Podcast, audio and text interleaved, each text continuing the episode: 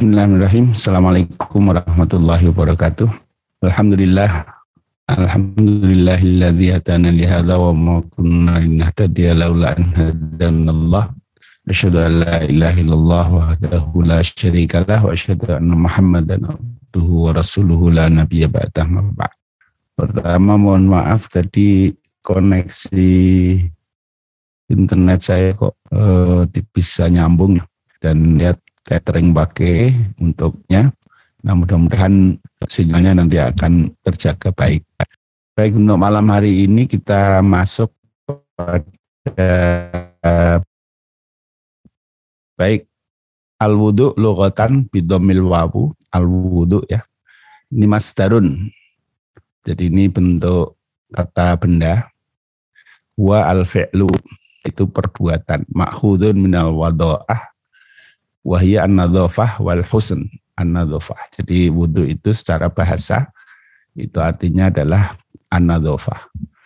Jadi kebersihan wal husn dan kebaikan. Ini kalau pakai wawunya di dhammah al wudhu ya.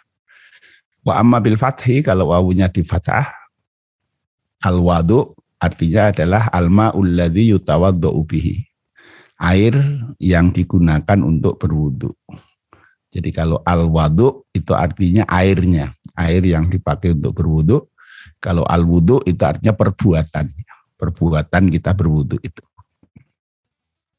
Qala an-Nawawi bidhammi idza urita al-fi'la alladhi huwa al-masdar wa bil fathi idza urita al-ma.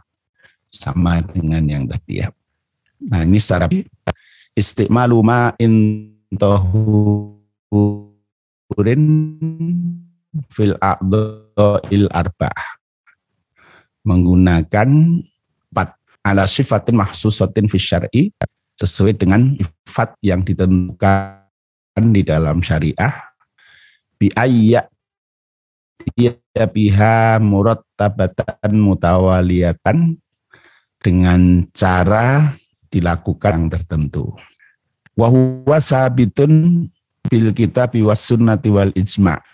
Jadi untuk wudhu ini adalah sesuatu yang telah pasti baik dengan dasar Alkitab, As-Sunnah maupun Al-Ijma.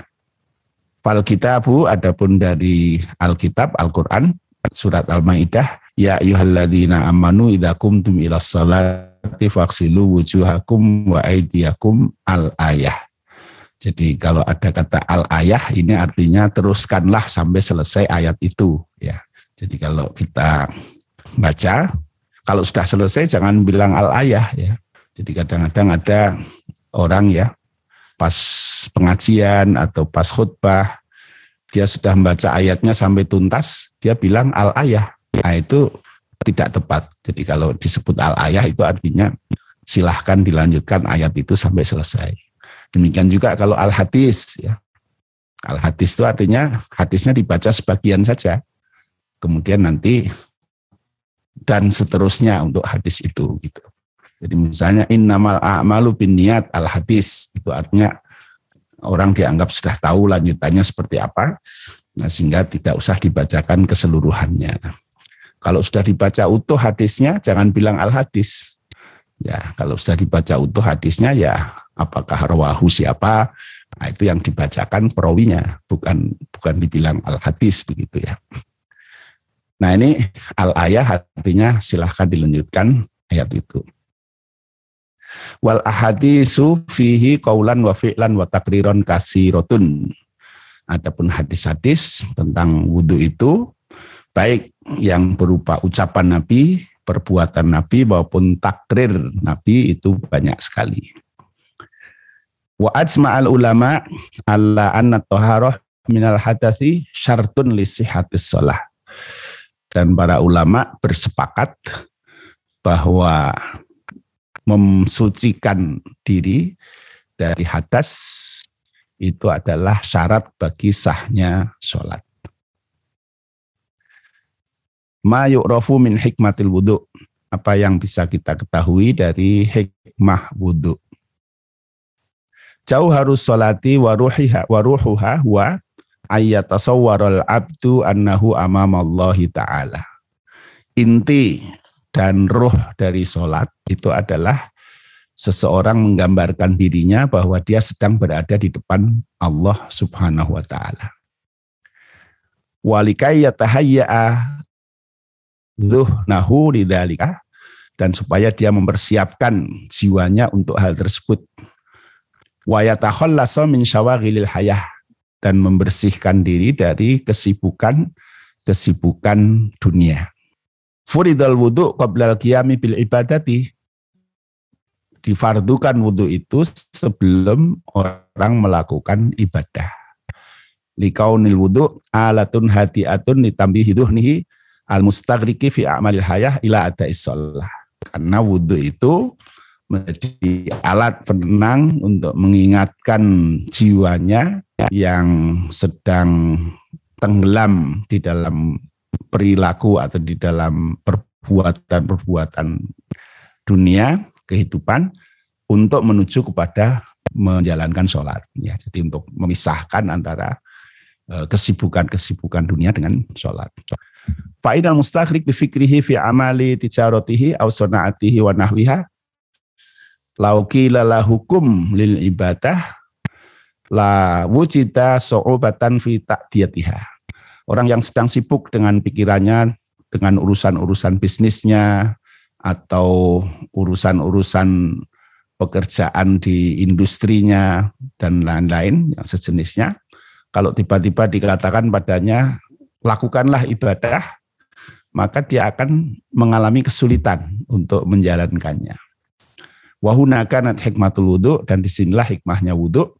Li'annahu yusa itu ala tarkit tafkiril awal karena wudhu ini akan membantu dia untuk meninggalkan pemikiran yang pertama, jadi kesibukan-kesibukan awalnya itu, wa yu'tihil waqta al-kafi liyabda'a fi tafkirin amikin min nau'in akhar, dan memberi dia waktu yang cukup untuk memulai memikirkan cara mendalam sesuatu yang lain. Nah, sesuatu yang lain itu adalah ibadah itu. Wabil jumlati secara umum falin nafsi intiqalun waqi'iyun. Jiwa kita ini ada transisi yang yang realistik ya. Jadi ada kebutuhan untuk melakukan perubahan dari satu hal ke satu hal yang lain ke hal yang lain. Watambihun min khoslatin ila khoslatin dan perlu ada peringatan dari satu keadaan ke keadaan lain. Huwa al-umdatu fil mu'alajat an-nafsiyah ini adalah satu tiang utama di dalam menyelesaikan masalah-masalah kejiwaan. Wa inna ma yusallu hadha tambih bimarakiza fi samimi tobaihim wa judhuri nufusihim dan peringatan ini diperoleh di pusat tabiat mereka dan di pusat jiwa mereka. Waktu tasaru at-taharah as-sughra ala ghusl al-atraf allati jarrat al-adah bi ingki furujiha min Ini yaitu wudhu ya. Ini diringkaskan untuk membasuh uh, ujung-ujung yang secara yang biasanya itu terbuka dan keluar dari pakaian kita. Fatus ilahi al sehingga cepat dia terkena kotoran kama jarat al adah indal amal an nadifah. Sebagaimana kalau orang biasanya melakukan pembersihan itu dilakukan dengan membersihkan anggota-anggota itu. Wa inda dukhul al kubara dan juga ketika dia datang kepada orang-orang besar watako bulinas ba'duhum biba'din atau orang akan bertemu dengan orang lain nah ini bagian-bagian itu dibersihkan dicuci kama anna ghusla hadhil a'dha al arba'ah fihi tambihun nafsi minan naum wal kasal nah demikian juga bahwa membasuh empat anggota tubuh ini akan mengingatkan jiwa kita dari rasa ngantuk maupun rasa malas. Qala Syekhul Islam ja'a sunnah bistina bil khaba'is al jasmaniyah wa tatahhur minha. Ibn Taimiyah mengatakan sunnah itu telah mengajari kita tentang menjauhkan kotoran-kotoran baik yang bersifat fisik wa tatahhur minha dan membersihkannya dari kotoran-kotoran itu Wa kadzalika sa'at bistina bil khaba'is ar-ruhaniyah wa tatahhur minha. Demikian juga uh, as-sunnah itu mengajarkan kita untuk menjauhi kotoran-kotoran yang bersifat ruhani dan membersihkannya. Fakat qala sallallahu alaihi wasallam maka telah bersabda Rasulullah SAW, "Idza staiqata ahadukum min manamihi fal yastansir salat fal yastansir salasat fa inna syaitana yabitu ala khaysyumihi jika kalian bangun dari tidurnya, maka semburkanlah air dari hidung tiga kali. Karena setan itu bermalam di lubang hidungnya. Wa qala sallallahu alaihi wasallam idza qama ahadukum min naumil lail fala yaghmas yatahu hatta yaghsilaha hatta yaghsilha salasan. Jika kalian bangun dari tidur malam, maka jangan mencelup kan tangannya sampai dia membasuhnya tiga kali, mencelupkan di air apa gitu ya, apa di di ember atau di apa. Fa inna ahadakum la yadri aina batat siyadahu. Karena kalian tidak tahu eh, semalam ini tangannya ke mana aja. Ya, jadi bisa jadi entah megang apa garuk-garuk di mana gitu kita tidak tahu maka kita diminta untuk membersihkan tangan itu sebelum uh, ketika bangun tidur. Fa'allal amru bil istinsyaqi bima syaitan ala khaisumihi. Jadi alasan perintah untuk istinsyak jadi ada istinsyak, ada istinsar. Itu sebenarnya dua istilah. Kalau istinsyak itu menarik air ke hidung. Nah kalau istinsar itu menyemprotkannya kembali. Nah kalau orang istinsyak mesti istinsar. Kalau orang mau istinsar ya dia harus istinsyak dulu. Fa'at mana dzalika sababut taharah min ghairi najasid. Maka bisa diketahui untuk membersihkan diri dari kotoran-kotoran yang ghairu najasah bukan najis yang zahir. Di situ bahasanya setan bermalam, setan bersembunyi di lubang hidung kita. Ini bukan najis yang zahir. Wal wudu min ahammi syurutis salah, sedangkan wudu adalah syarat salat yang paling penting.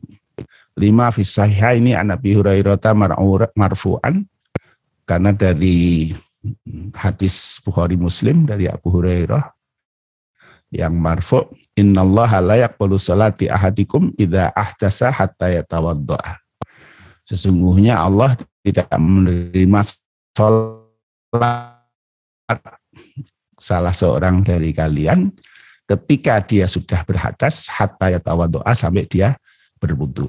Nah, jadi kalau orang beramal. Nah, itulah maka wudhu disebut sebagai syarat sholat. Wali ya muslim dan didasarkan pada apa yang diriwayatkan oleh muslim, al wudhu syatrul iman. Wudhu adalah separuh dari iman. Wa nuzilat faridatuhu minas sama fi qawlihi ta'ala dan diturunkan perintah fardunya wudhu ini dari langit di dalam firman Allah Ta'ala Ya ayyuhalladzina amanu idza qumtum ila salati faghsilu wujuhakum wa aydiyakum al ayah. Ya. Wahtalafa ulama'u hal furida fi Makkah au fil Madinah. Para ulama berbeda pendapat apakah fardunya apakah wal muhaqqiqun ala annahu furida bil Madinah. Menurut para peneliti bahwa wudhu ini difardukan di Medina. Li'atam minnas an-nahid ala khilafihi karena tidak ada nas yang uh, menyatakan berbeda dengan pendapat ini. So ayat madaniyahnya kemudian dibuka di, di file berikutnya Mas Taufan.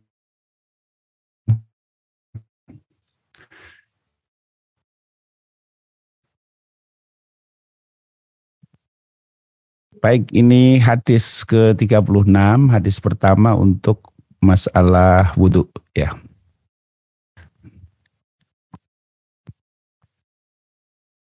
An Abi Hurairah radhiyallahu anhu dari Abi Hurairah radhiyallahu anhu an Rasulillah sallallahu alaihi wasallam dari Rasulullah sallallahu alaihi wasallam annahu qala bahwa sungguhnya beliau telah bersabda laula an asyukka ala ummati kalau saja tidak aku menyulitkan terhadap umatku la amartuhum bisiwaki sungguh aku akan perintahkan mereka bisiwaki dengan siwak ma'akul liwudu'in beserta setiap wudhu. Akhrajahu Malik wa Ahmad wa Nasai. Dikeluarkan hadis ini oleh Imam Malik, Imam Ahmad, Imam Nasai wa sahahahu Ibnu Huzaimah dan disahihkan dia oleh Ibnu Huzaimah wa dzakarahu al-Bukhari ta'liqan dan Imam Bukhari menyebutkan hadis ini dengan catatan. Ini Imam Malik di nomor 148, Imam Ahmad di nomor sekian dan seterusnya. Darajatul hadis, al-hadisu sahihun. Darajat hadisnya bahwa hadis ini sahih. Ini saya ringkas-ringkaskan ya kalau dari buku aslinya ada panjang pembahasan dari derajat hadis ini tapi sebagaimana yang dulu pernah saya sampaikan eh, berpanjang lebar dalam membahas tentang derajat hadisnya ini ternyata tidak terlalu kita butuhkan lah. Nah bagi yang membutuhkannya bisa langsung merujuk kepada buku aslinya.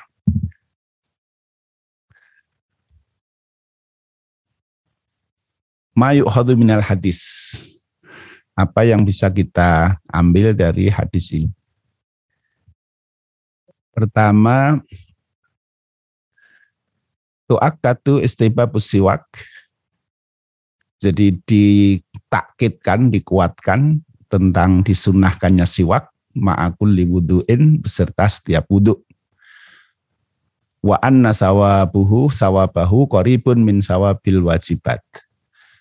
Dan pahalanya, pahala dari sunnahnya siwak ini eh, mendekati pahala kewajiban. Yang kedua, annas siwaka indal wudu'i wa inda ghairihi minal ibadat laisa biwajibin bahwa sifat ketika wudhu maupun ibadah-ibadah yang lain itu bukan sebuah kewajiban.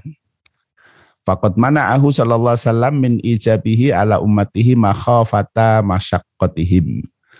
Rasulullah itu mencegah dari mewajibkannya ya.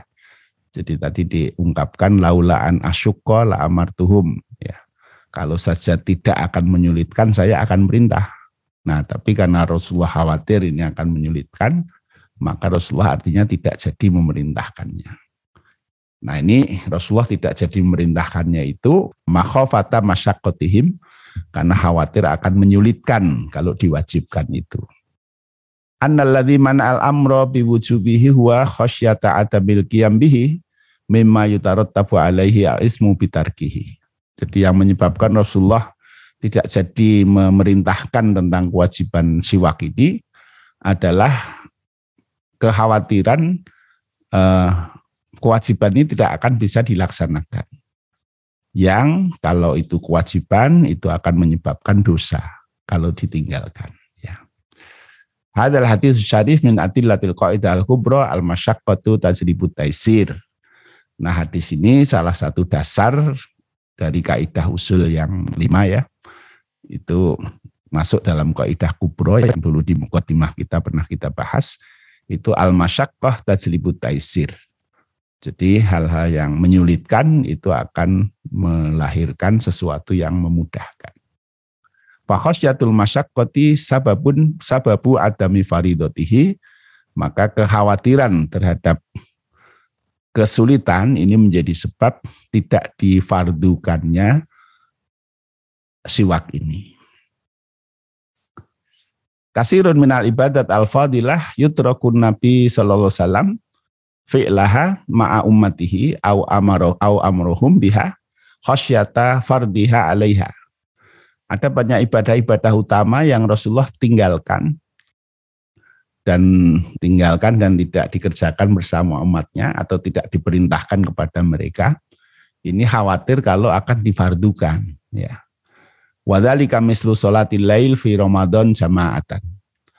Contohnya misalnya tidak di, ditinggalkannya sholat lail di dalam bulan Ramadan secara berjamaah. Jadi dalam riwayat tentang sholat terawih itu Nabi dulu hari pertama, hari kedua, hari ketiga beliau sholat di masjid ya. Tapi hari keempat beliau tidak muncul ketika para sahabat sudah banyak sekali yang datang di masjid. Nah, ketika Nabi ditanya, eh, beliau mengatakan saya khawatir kalau ini nanti difardukan atas kalian. Ya. Wasiwaku dan juga siwak wa ta'khiru salatil isya ila hal fadil dan mengakhirkan sholat isya ke waktunya yang utama jadi kalau sholat isya itu waktu utamanya bukan di awal waktu.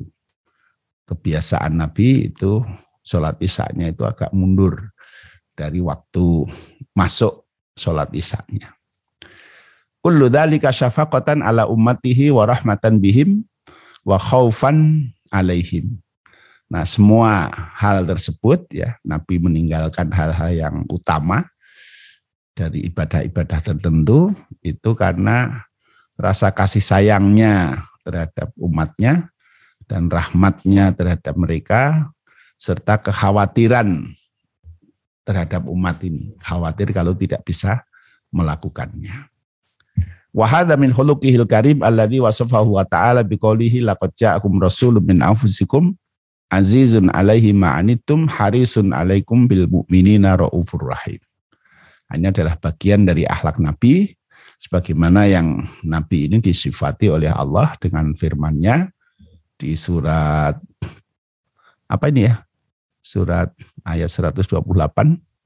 Sungguh telah datang pada kalian seorang utusan di antara kalian sendiri, azizun alaihi ma'anitum yang bagi beliau sesuatu yang menjadi beban bagi kalian adalah sesuatu yang berat bagi beliau. Harisun alaikum yang penuh dengan ke apa Haris ya berusaha mencari kebaikan untuk kalian bil mukminina raufun rahim dan sangat lemah lembut, sangat penuh penyayang terhadap orang-orang mukmin. Yang keenam, si atuha di syariah wasamahatiha, wasamahatuha. Ini menunjukkan keluasan dan toleransi syariah ini wa musayaratiha lil halatil basyariyatid dhaifah dan penyesuaian syariah itu terhadap kondisi manusia yang lemah. Qala Allah Ta'ala yuridullahu ayyukhaffifa ankum. Allah menginginkan untuk meringankan sesuatu terhadap kalian. Dan Allah juga berfirman, wa ma ja'ala alaikum fitti min haraj dan Allah tidak jadikan atas kalian di dalam agama ini sesuatu yang berat. Hadal hadisul azim dalilun ala qaidati syar'iyyah wa hiya tar'ul mafasid muqaddamun ala jalbil masalih. Ini juga menjadi dalil terhadap kaidah syar'i yaitu tar'ul mafasid muqaddamun ala jalbil masalih. Jadi menutup pintu kemafsadahan itu lebih diprioritaskan daripada mengharap kebaikan-kebaikan ya. Jadi kalau kalau siwak itu baik ya akan ada maslahat-maslahatnya. Tetapi kalau diwajibkan itu bisa menjadi madorot bagi umat karena bisa jadi akan sangat menyulitkan dan mungkin akan menjadi sesuatu yang terpaksa ditinggalkan dan menjadi dosa-dosa bagi umatnya. Nah karena itu itu mafsadah. Karena itu menutup pintu mafsadah itu lebih didahulukan daripada mengharapkan kebaikan-kebaikan. Fa mafsadatul wuqu'i bil ismi min tarkil wajib manaat min maslahati wujubis siwak inda kulli wudu ya. Maka mafsadahnya untuk orang jatuh ke dalam dosa karena meninggalkan kewajiban itu dihindari dengan kemaslahatan wajibnya siwak ketika berwudu. Qala Ibnu Daqiqul Aid Asirru anna ma'muruna fi kulli halati min ahwali taqarrub ila Allah azza wa jalla an nakuna fi halati kamalin nadhafah. Jadi rahasianya bahwa kita diperintahkan dalam semua bentuk takorub kepada Allah itu kita berada dalam kondisi kebersihan yang sempurna. liidhari syarafil ibadah untuk menunjukkan kemuliaan ibadah itu. Wakila inna dzalikal amr yata'allaku bil malak fa innahu yata'adza bir raihah al karihah. Bahwa perintah untuk bersiwak ini terkait dengan para malaikat karena para malaikat ini tersiksa kalau ada bau-bau yang tidak enak. Jadi kalau orang sholat bau mulutnya, bau bawang, bau jengkol, nah itu malaikatnya sedih dia. Jadi tidak tidak nyaman. Walasan ani wala yum'atu an-nasir majmu'ul amroini al-madhkuraini lima ya al-Bukhari wa Muslim min hadis Jabir marfu'an man akala saum awil basal awil karos fala yakrobanna masjidana fa innal malaikata tata'adza mimma yata'adza minhu banu adam Barang siapa yang makan asaum, al-basol, al-karos, ini apa ya, basol itu bawang ya. Saum itu apa ya? Ah, nanti saya belum lihat artinya ini ya. Intinya yang bau-bau lah gitu. Falayak roban nama sidana maka jangan mendekati tempat sujud kita.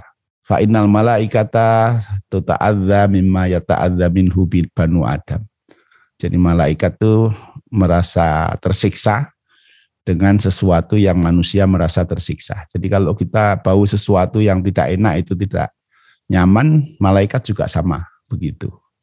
Nah, jadi misalnya tadi ya ada orang yang bau bekas duren, bau bekas bawang, bekas jengkol, bekas apa gitu yang kita sebagai manusia tidak suka ada bau-bau begitu ketika sedang sholat, malaikat juga tidak suka. Termasuk bau keringat, bau baju yang tidak ganti-ganti, bau sarung yang tidak pernah dicuci, nah itu sama ya. Kalau itu tidak enak di manusia ya malaikat juga tidak senang dengan bau-bau yang begitu. Al hadithu yatullu ala ta'yini waqti siwak fil wudu wa indal matmadah. Hadis ini menunjukkan tentang penentuan waktu siwak di dalam wudhu dan ketika berkumur. Ya. Jadi ketika berkumur itu dibarengi dengan siwak. Ya. Al-masyhur min mazhabil Imam Ahmad yang masyhur dari mazhab Imam Ahmad annahu la yuzzi'u fi siwaki illa istimal al-aud. Tidak uh, tidak dihitung sebagai siwak kecuali menggunakan kayu oud ya kayu ut itu kayu yang kalau mungkin Bapak Ibu yang sudah tindak haji, tindak umrah ya, yang biasa dijual oleh orang-orang di sekitar masjid itu ya untuk siwak kayu yang kecil-kecil, kadang-kadang ujungnya dipecah-pecah. Jadi kayak ada serabutnya itu, nah itu kayu ut. Ya. Nah menurut madhab Imam Ahmad ya siwak itu ya harus dengan itu warroji, tetapi menurut pendapat yang lebih kuat, annahu yuzzi'u bi ghairihi min usbu'in wa khirqatin wa ghairihima.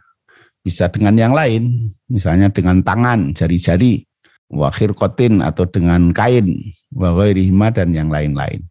Dengan kalau kita ya mungkin dengan sikat gigi ya, dengan sikat gigi pakai pasta gigi yang wangi, nah itu boleh gitu. Walidha qala al-muwaffiq wan nawawi yuzza'u yuzzi'u bi ayyi syai'in yazilu taghayyur. Jadi ini dibolehkan dengan segala sesuatu yang bisa menghilangkan eh, apa ya sesuatu yang tidak baik itu ya. Yatulul hadis ala qaidatil usuliyatin wa hiya anal amral mutlaq yufidul wujub. Wa wasuhu annahu lakanal amru yufidul istihbab lama imtana sallallahu wasallam min amrihim bisiwak. Ini juga menjadi dasar tentang kaidah umum di dalam fikih ya bahwa perintah secara mutlak itu menunjukkan kewajiban atau dalam kaidah usul fikih biasanya al aslu fil amri lil wujub. Jadi setiap perintah itu pada asalnya menunjukkan sifat wajib. Nah, kalaulah perintah itu menunjukkan sunnah, maka Nabi tidak perlu melarangnya itu, maksudnya me, membatalkan perintahnya itu ya. Min amrihim bisiwak tentang perintah kepada mereka untuk siwak itu. Jadi kalaulah Nabi, kalaulah perintah itu tidak dipahami sebagai wajib, maka ya Nabi perintahkan saja.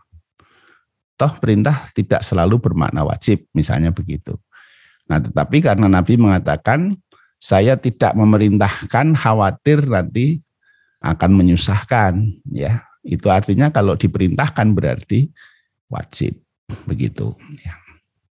Walakin mayak tadihil amru wa ma yafhamuhu as-sahabah wal ulama minal amril mujarrati an qarinatin sorifatin huwa al wujub. Nah, tapi yang e, menjadi konsekuensi dari perintah dan yang dipahami oleh para sahabat dan ulama dari sebuah perintah itu adalah wajib ya, kecuali ada alasan yang menggeser dari kewajiban itu, yaitu wajib ya. Wa huwa alladzi mana'ahu min amrihim bisiwak. Nah, yang menggeser dari kewajiban ini adalah yaitu Rasulullah tidak jadi memerintahkannya itu. Nah, berarti siwak itu tidak sampai pada derajat wajib. Yang kedua belas, idza ta'aradatil adillatu syar'iyyatu bainal wujub wal istihbab au bainat tahrim wal karahah wa laisa hunaka aslun yubna alaihi fa inna tabi'ata syariah as-samhah wa manhajuha bitahfif 'alal ibad. Kalau ada dalil syar'i yang seolah-olah bertentangan antara kewajiban dengan sunnah atau antara haram dengan makruh. Nah, sedangkan tidak ada pokok yang menyebutkan hal tersebut, maka tabiat syariah itu adalah toleran. Dan manhajnya itu adalah tahfif, memberi keringanan. Jadi kalau ada ini apa wajib, apa sunnah, nah sedangkan dipahaminya ini tidak ada dalil yang tegas wajib dan sunnah, maka tabiat syariah itu meringankan. Jadi dianggap sunnah. Atau antara haram dan makruh, maka yang ringan. Jadi ya makruh begitu. Wawurudun nas, wawurudun nusus al-ammah fiha, tas'alul ahdu bi aisaril qawlaini.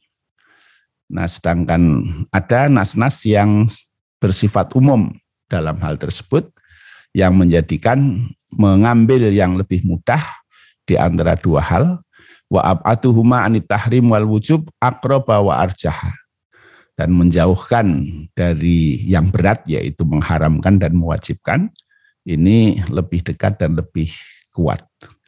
Contohnya faqad ja'a fi sahihaini ada sebuah hadis di dalam Bukhari Muslim annahu sallallahu ma khayyara baina amrayni lahtaru aisarahuma bahwa Nabi SAW tidak pernah memilih di antara dua hal kecuali selalu memilih yang lebih mudah di antara dua hal itu. Jadi Nabi kalau ada dua pilihan, yang satu lebih sulit, yang satu lebih mudah, selalu beliau mengambil yang lebih mudah. Nah demikian juga kita ya, ini sebuah manhaj di dalam agama kita.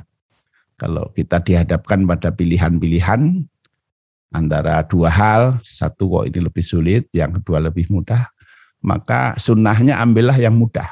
Ya ambillah yang mudah. Misalnya ada soal ujian, ya nomor satu begini, nomor dua begini, nomor satu itu sulit, butuh waktu banyak, nomor dua mudah, kerjakan nomor dua dulu. Ya. Nah, setelah nomor dua yang mudah ini selesai, baru masuk ke nomor satu, ya begitu. Nah ini salah satu hal kebiasaan yang Nabi lakukan begitu. Maksudnya bukan Nabi lakukan mengerjakan ujian ya, maksudnya kalau ada pilihan-pilihan mana yang sulit, mana yang lebih mudah, selalu beliau memilih yang lebih mudah dulu. Khilaful ulama, perbedaan para ulama. Umumul hadis yufidu istihbab siwaki kulla waqtis kulla waqtin lisoim wa ghairihi. Jadi keumuman hadis itu, maksudnya keumuman itu bahwa hadis tadi tidak menetapkan batasan-batasan tertentu. Ya tentang waktunya tentang ya lain-lain ya. Jadi sifatnya umum saja. Bahwasanya kalau saja tidak menyulitkan aku perintahkan untuk siwak pada setiap wudhu. Nah itu ya kapan saja wudhunya itu tidak ada batasan. Awalan nahari wa akhirahu jadi pokoknya kalau mau wudhu ya baik untuk orang yang puasa maupun yang tidak puasa baik di awal siang atau di akhir siang walayu jadu dalilun yuhassisu hadal umum bil fitri. Tidak ada dalil yang mengkhususkan bahwa hadis ini hanya untuk orang yang tidak berpuasa. Illa qawlu sallallahu alaihi wasallam la khalufu fammis sa'im indallahi atyabu min rihil miski. Rawahul Bukhari wa Muslim. Ada hadis bahwa bau mulut orang yang berpuasa di hadapan Allah itu lebih lebih baik daripada bau misik Nah, wahada laisa fihi sarihud dalalah. Nah, ini juga tidak menjadi dalil yang jelas. Fa innal khuluf yunsha'u min khuluwil mu'addati mu'ad ma'dati minat ta'am wa laisa minal fam. Karena khuluf ya, bau mulut orang berpuasa itu lahir dari alat pencernaan yang di dalam. Ya, jadi bukan dari mulut gitu. Jadi walaupun mulutnya itu di sikat gigi berkali-kali karena bau mulut orang berpuasa itu bukan berasal dari rongga mulutnya tapi dari dalamnya. Dia tidak akan hilang. Wa amma hadisu idza sumtum fastaku fil ghadati wala tastaku bil asyi fadhaifun. Adapun ada hadis yang mengatakan kalau kalian puasa maka bersiwaklah di waktu pagi, jangan bersiwak di waktu sore. Ini hadisnya doif wa huwa mu'aridun bil ahadits lati minha ma rawahu Ahmad wa Tirmidzi wa hasanahu wa allaqahu al-Bukhari min hadis Ka'ab bin Malik ra'aitu Rasulullah sallallahu alaihi wasallam ma la uhsi yatasawwaku wa huwa shaimun.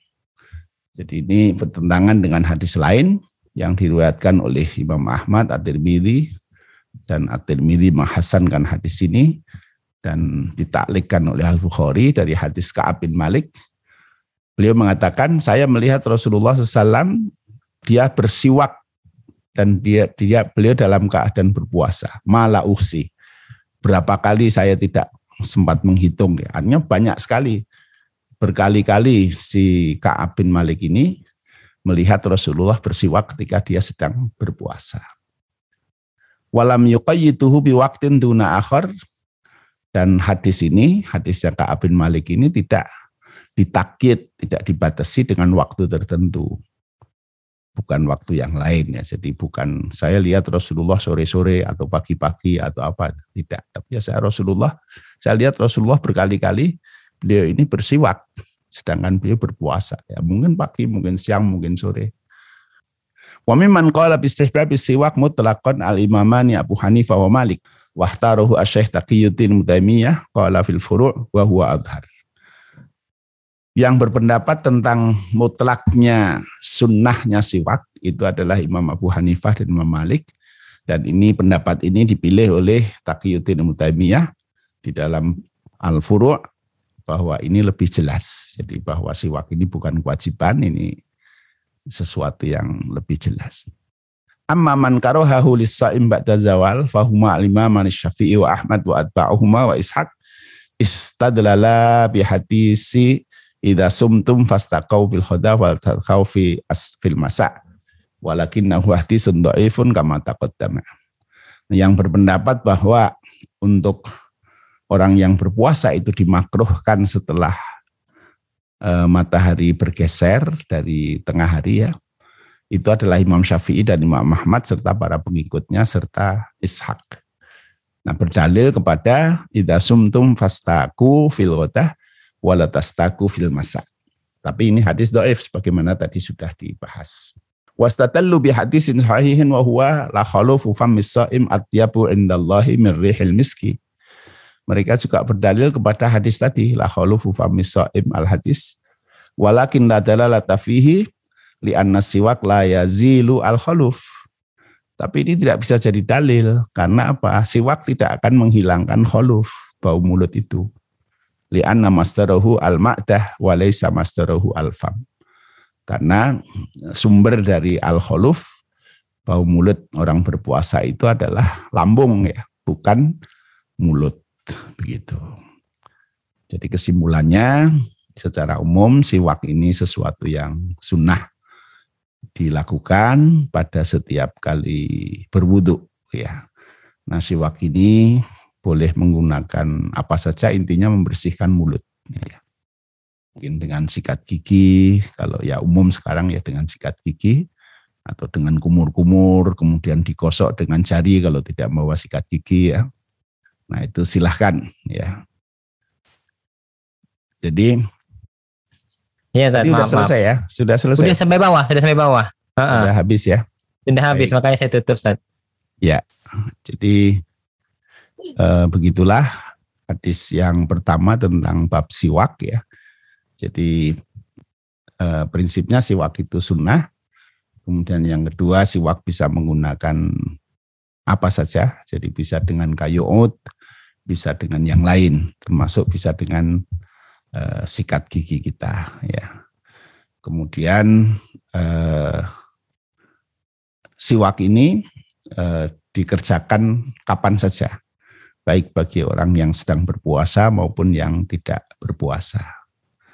Jadi tadi dikemukakan bahwa pakai siwak untuk orang berpuasa sebelum zuhur dengan beberapa dasar ini tadi dikatakan alasan itu tidak kuat. ya. Jadi siwak tetap disunahkan baik bagi orang yang tidak berpuasa maupun orang yang berpuasa pada waktu kapan saja, baik pagi hari, siang hari, sore hari, tidak masalah. Nah, saya kira demikian Bapak Ibu, mohon maaf atas gangguan teknis yang terjadi malam hari ini. Nah, mudah-mudahan nanti bisa kita benahi lebih baik lagi. Kurang lebihnya mohon maaf. Wal hidayah. Assalamualaikum warahmatullahi wabarakatuh. Waalaikumsalam warahmatullahi wabarakatuh. Terima kasih banyak Ustadz Khalid atas materinya, walaupun tertunda 15 menit dan beberapa saat tadi ada putus-putus tapi eh, ya nggak banyak. Alhamdulillah kita bisa selesaikan had- pembukaan dari bab wudhu dan hadis 36. Saya mohon izin Ustadz untuk malam ini tidak saya sampaikan tanya jawab karena sudah jam 9. Ini masih ada pembahasan bab wudhu lagi di hadis ke-37 ya Ustadz ya. Jadi nanti Ini banyak, Eh, Bab Wudhu masih banyak. Ini bukan Makanya nanti insya Allah Bapak Ibu mohon berkenan lagi hadir di pekan depan untuk mendapatkan jawaban dari pertanyaan-pertanyaan yang sudah tercatat dan terdokumentasi oleh tim di kolom chat Zoom. Jadi sekali lagi mohon bersabar jawabannya tidak malam ini. Insya Allah ya akan dijawab ahad malam pekan depan. Gitu ya Ustaz ya. Cukup Ustaz ya. Alhamdulillah. Eh, Terima kasih banyak Bapak Ibu atas kehadirannya pada malam hari ini. Mohon maaf ada kekurangan dan kesalahan-kesalahan kendala-kendala teknis. Mudah-mudahan nanti kami segera coba akan eh, lihat eh, apa masalahnya nanti dan mudah-mudahan ke depan hari Rabu malam hadis pembahasan hadis Riyadhus Shalihin kita tidak akan mengalami kendala teknis lagi. Kajian berjalan lancar, kita juga bisa menyimak dengan baik dan insya Allah ilmu-ilmu yang kita serap akan mendapatkan menjadi manfaat bagi diri kita dan keluarga kita. Kita akhiri malam hari ini pengajian kita membahas syarah Bulughul Maram dengan bacaan doa kafaratul majelis. Subhanakallahumma wa bihamdika asyhadu an la ilaha illa anta astaghfiruka wa atubu ilaik. Assalamualaikum warahmatullahi wabarakatuh. Waalaikumsalam warahmatullahi